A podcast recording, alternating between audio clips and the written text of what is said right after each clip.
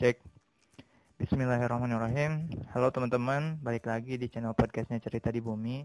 Senang sekali bisa kembali mengudara. Dan hari ini kita akan membahas tentang quarter life crisis. Di antaranya yang bakal kita bahas, apa sih quarter life crisis itu, kenapa bisa terjadi, dan gimana caranya kita keluar dari fase ini. Kita bakal ngobrol sama salah satu teman kita, yaitu Hasna Fizah dia merupakan anak psikologi angkatan 2014 dari Unpad. Tapi sebelumnya aku bakal nyampain beberapa fakta atau mungkin sekilas lah tentang quarter life crisis. Jadi quarter life crisis ini teman-teman didefinisikan sebagai masa ketika seseorang akan mulai merasa insecure, ragu, hilang arah terhadap masa depan terutama mengenai karir, finansial, dan relationship.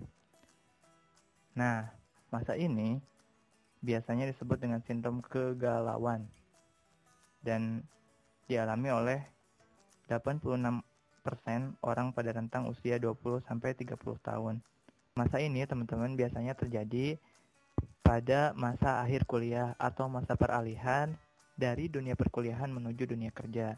Masalahnya dari quarter life crisis ini banyak orang yang berhasil melewati fase ini dan mereka menjadi pribadi yang dewasa, tangguh, dan mampu mencapai kesuksesan dalam kehidupannya. Tapi ada juga teman-teman yang malah mengalami depresi, depresi dan kegalauan yang berkepanjangan sehingga mungkin ditambah akumulasi-akumulasi yang lain beberapa di antaranya uh, memilih untuk mengakhiri hidupnya dengan bunuh diri. Langsung aja mungkin lengkapnya bakal dibahas sama Hasna. Oke, silahkan Hasna.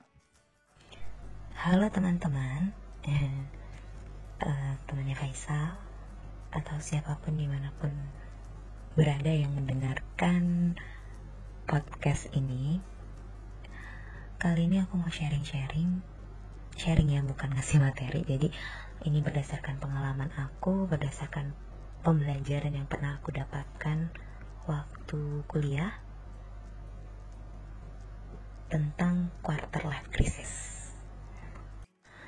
Teman-teman pernah nggak sih ngerasa kayak galau, uh, khawatir, gelisah, yang berlebihan dan akhirnya sedikit mengganggu ke kehidupan teman-teman tentang pekerjaan, atau yang udah punya kerja tentang kondisi keuangan, pengen berhenti dari tempat kerjanya, ngerasa nggak nyaman, tapi takut kalau keluar nggak dapat kerjaan baru, terus tentang keluarga atau calon keluarga, cari istri atau suami belum ketemu, terus tentang pacar yang kira-kira bisa nggak ya diajak ke langkah yang lebih serius gitu ataupun tentang apa pun tentang masa depan yang akhirnya bikin teman-teman ngerasa kok gue khawatirnya berlebihan ya. Kenapa sih gue uh, kenapa coba teman-teman? Pernah nggak ngalamin kayak gitu? Nah jadi kalau teman-teman merasakan hal itu dan usia teman-teman berada di sekitaran 20, 25, 30, 35 kayak teman-teman ngerasa satu sisi teman-teman udah dewasa tapi di sisi lain teman-teman ngerasa kalau uh, menentukan pilihan masa depan itu gak segampang itu karena banyak hal yang akhirnya menjadi pertimbangan teman-teman.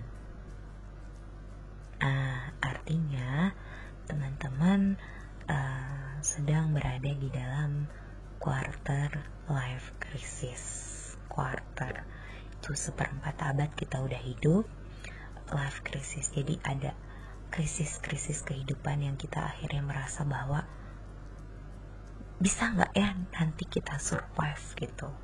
Nah perasaan-perasaan itu yang akhirnya menciptakan kekhawatiran, kegalauan yang bisa mengganggu bahkan ya bisa mengganggu ke kehidupan yang sedang kita jalani saat ini. Hmm, kenapa sih nak quarter life crisis ini bisa terjadi?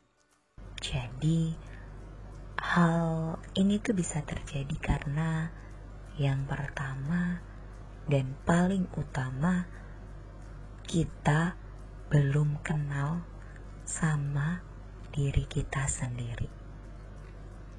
Kalau ditanya, gue pernah gak sih ngerasa kalau gue berada di quarter life crisis?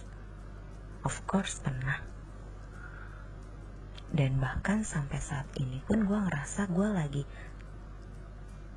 mencoba untuk keluar dari fase quarter life crisis ini dengan mencoba lebih mengenal lagi siapa sih gue itu semua uh, bisa dilakuin juga oleh teman-teman semua gitu selain itu kenapa ya kok orang akhirnya bisa merasa tertekan di fase quarter life crisis ini. Pertama, belum kenal tadi tentang dirinya sendiri, belum tahu siapa gue sebenarnya, siapa gue di mata orang lain, gimana gue di mata orang lain, itu belum kenal sedalam itu dengan dirinya sendiri. Yang kedua adalah faktor lingkungan. Di mana lingkungan terus menekan uh, secara nggak sadar ataupun sadar tentang pertanyaan-pertanyaan tentang uh, masa depan. Kayak misalkan yang belum lulus kapan? Woi wisuda. Kayak terus teman-teman yang lain udah pada wisuda. Dan lo satu-satunya eh, bukan satu-satunya sebagian kecil yang belum wisuda itu kan jadi tekanan tersendiri buat lo. Atau kapan nikah? Lo udah pengen banget nikah tapi boro-boro uh, pacar aja nggak punya taharufan nggak ada mau nikah sama siapa gitu kan kayak tapi lingkungan lo tuh nanya terus kapan nikah? Itu kan jadi tekanan tersendiri ya buat lo. Buat gue gitu. Ya jadi curcol nggak ding terus. Atau kok udah lulus lama masih nganggur emangnya nggak cari kerja? Ya ini buat problem-problem orang yang udah lulus tapi belum kerja. Lingkungan tuh nggak bisa kita kontrol. Ya nggak? Itu tuh bakal terus datang dan jadi tekanan buat diri kita sendiri. Apalagi kalau kita ngerasa bahwa iya mereka tuh menekan. Semakin kayak gitu makin makin ngerasa bahwa ya kita semakin tertekan gitu. Semakin ngerasa iya ya ternyata gue gak ada gunanya iya ya gue ternyata menyedihkan sekali. Semakin ngerasa bahwa jadi gue tuh sebenarnya bisa apa sih? Jadi gue masa depan tuh harus gimana gitu. Makin ngerasa kalau bisa nggak ya? Gue cinta sama diri sendiri. Balik lagi ke hal pertama. Kenal aja enggak yang dapat tekanan segitu banyak gimana mau cinta gitu kan? Gimana kita mau bangkit dari fase quarter life crisis ini? Selain lingkungan dan belum kenal sama diri sendiri quarter life crisis ini bisa terjadi karena adanya target-target yang kita susun sebelumnya mengalami hambatan untuk dicapai. Contohnya, kita punya target lulus tiga setengah tahun. Ternyata dalam prosesnya gak bisa lulus tiga setengah tahun ada perasaan-perasaan bahwa kok gak bisa ya kenapa ini gitu padahal eh, hal itu di luar eksternal diri kita hal yang gak bisa kita kontrol kayak gitu kalau kita masih belum bisa terima efeknya nantinya kita bakal khawatir lagi dengan target-target berikutnya. Kok yang ini aja nggak tercapai, nanti yang lain gimana ya? Berarti semua timeline gue mundur. In the end, akan banyak kekhawatiran pada diri tentang mencapai uh, target di masa depan. Kayak gitu. Nah kalau kayak gitu, gimana caranya kita bisa keluar dari fase quarter life crisis ini? Pertama, coba berinteraksi dengan diri sendiri. Memberikan pertanyaan kepada diri sendiri dan menjawabnya sendiri. Misalnya, apa sih sebenarnya yang aku harapkan dari lingkungan? Sebenarnya aku tuh orangnya kayak gimana sih? Aku seneng kalau diapain. Aku gak suka sama orang yang kayak gimana. Berusaha jujur sama diri sendiri, sama pikiran, sama hati, coba diselaraskan. Temen aku waktu itu pernah bilang, ini sih yang paling aku ingat sampai sekarang. Jadiin diri sendiri itu sahabat.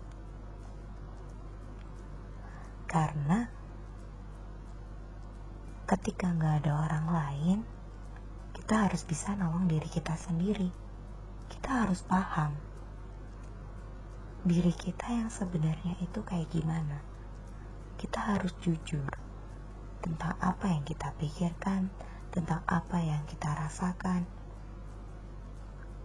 Kita beri space untuk mengenal diri sendiri. Kita beri waktu yang cukup luang untuk berinteraksi sama diri sendiri. Sehingga outputnya nanti kita tahu apa yang akhirnya kita tuju, bagaimana visi kita, bagaimana misi kita, apa yang kita senengin, apa yang kita nggak suka, bagaimana cara mengatasi kalau kita nggak suka, dan lain sebagainya.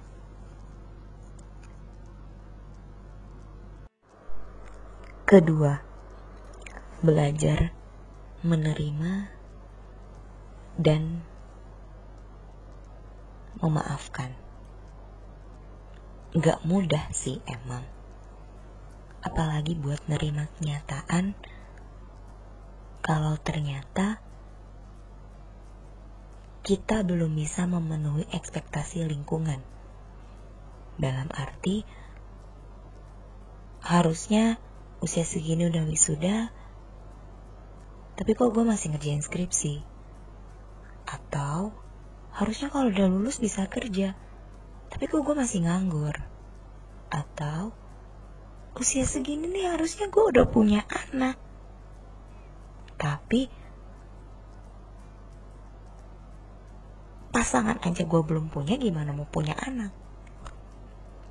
Coba berdamai dengan ekspektasi-ekspektasi lingkungan. Menerima bahwa tidak semua hal bisa kita wujudkan. Ada faktor eksternal. Kalau memang lo percaya dengan Tuhan, libatkan Tuhan dalam proses penerimaan lo. Gue juga gitu. Waktu gue belum dapat kerja to be honest gue ngerasa kalau kok gue gini banget ya? Psikotes nggak lulus padahal anak psikologi kapan gue dapat kerja gitu. Ngerasa kayak marah sama takdir. Tapi semakin gue marah malah semakin ngerasa kalau gue tuh makin galau makin gelisah makin takut buat menghadapi masa depan. Akhirnya dinasehatin lah gue sama temen gue coba terima apa pun kondisi lo saat ini maafkan lingkungan yang seolah-olah memaksa lo jangan lagi dengerin semua orang punya waktunya masing-masing. Ada hal yang bukan kuasa kita. Walaupun kita udah berusaha segimanapun, kalau emang bukan takdirnya, bukan jodohnya, belum saatnya, ya nggak akan bisa ada faktor eksternal yang gak bisa kita ganggu gugat. Nah, dari situ gue mulai menerima, belajar menerima, belajar, oh iya, kalau memang mungkin belum waktunya, belajar untuk terus berusaha, untuk tidak menyerah, untuk terus mengupgrade diri, untuk terus berdoa, dan terus memaafkan memaafkan dalam arti ya udahlah mereka kan yang nonton nggak tahu ngejalaninnya gimana. Ya udah ya cuma pertanyaan-pertanyaan biasa doang bukan dijadikan sebuah tekanan gitu yang ketiga coba menjadi pribadi yang lebih terbuka. Dalam arti, ketika kita masang target hidup, jangan saklek-saklek amat. Misalkan, tiga setengah tahun gak tercapai nih. Terus, murka, marah sama diri sendiri. Kok bisa gak tercapai ini gini? Padahal ada yang di luar kuasa kita tadi kan ada faktor eksternal setelah memaafkan setelah menerima coba terbuka dengan memulai memasang target baru yang sekiranya lebih realistis. Step by stepnya lebih jelas. Misalkan oh bulan ini coba deh selesaiin bab satu dulu ketemu dosen. Nah, jadi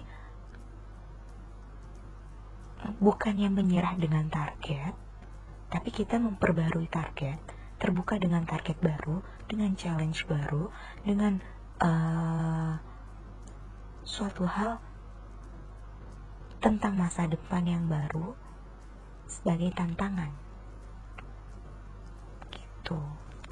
Dan selain terbuka terhadap target baru, bisa juga terbuka dengan uh, masukan-masukan uh, feedback-feedback yang membangun dari orang-orang sekitar tentang target kita di masa depan.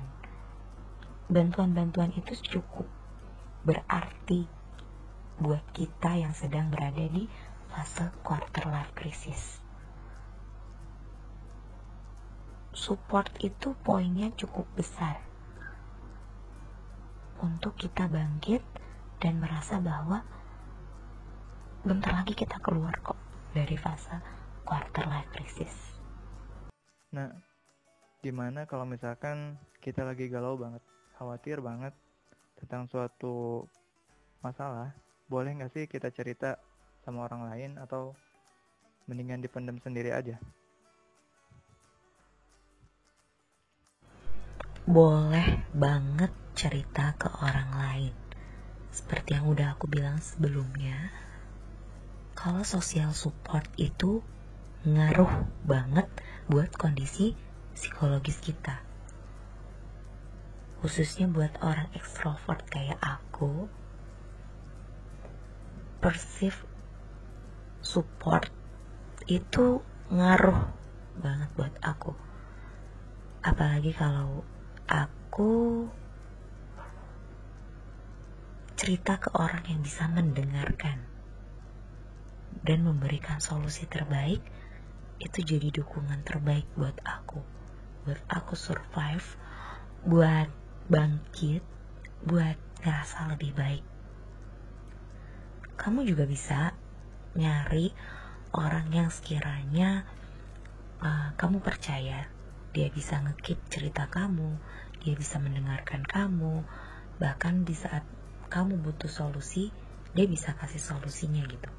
Atau kamu cukup di, di, eh, butuh didengarkan dia juga bisa mendengarkan. Setidaknya dia tahu posisi. Terus uh, kalau ngerasa udah galau banget ngerasa hampir depresi lah ya dengan fase quarter life crisis ini. Terus kamu ngerasa bahwa uh, udah nggak bisa cerita ke teman sahabat orang tua atau orang terdekat sekalipun kamu butuh bantuan profesional boleh banget datang ke psikolog jelasin masalah kamu apa. Nanti psikolog bantu dengan eh, saran-saran yang nanti kamu pilih sendiri sarannya mau kayak gimana. Dan in the end bisa bikin ngerasa lebih baik lah ya. Gitu. Oke teman-teman. Terima kasih sudah mendengarkan. Semoga bermanfaat.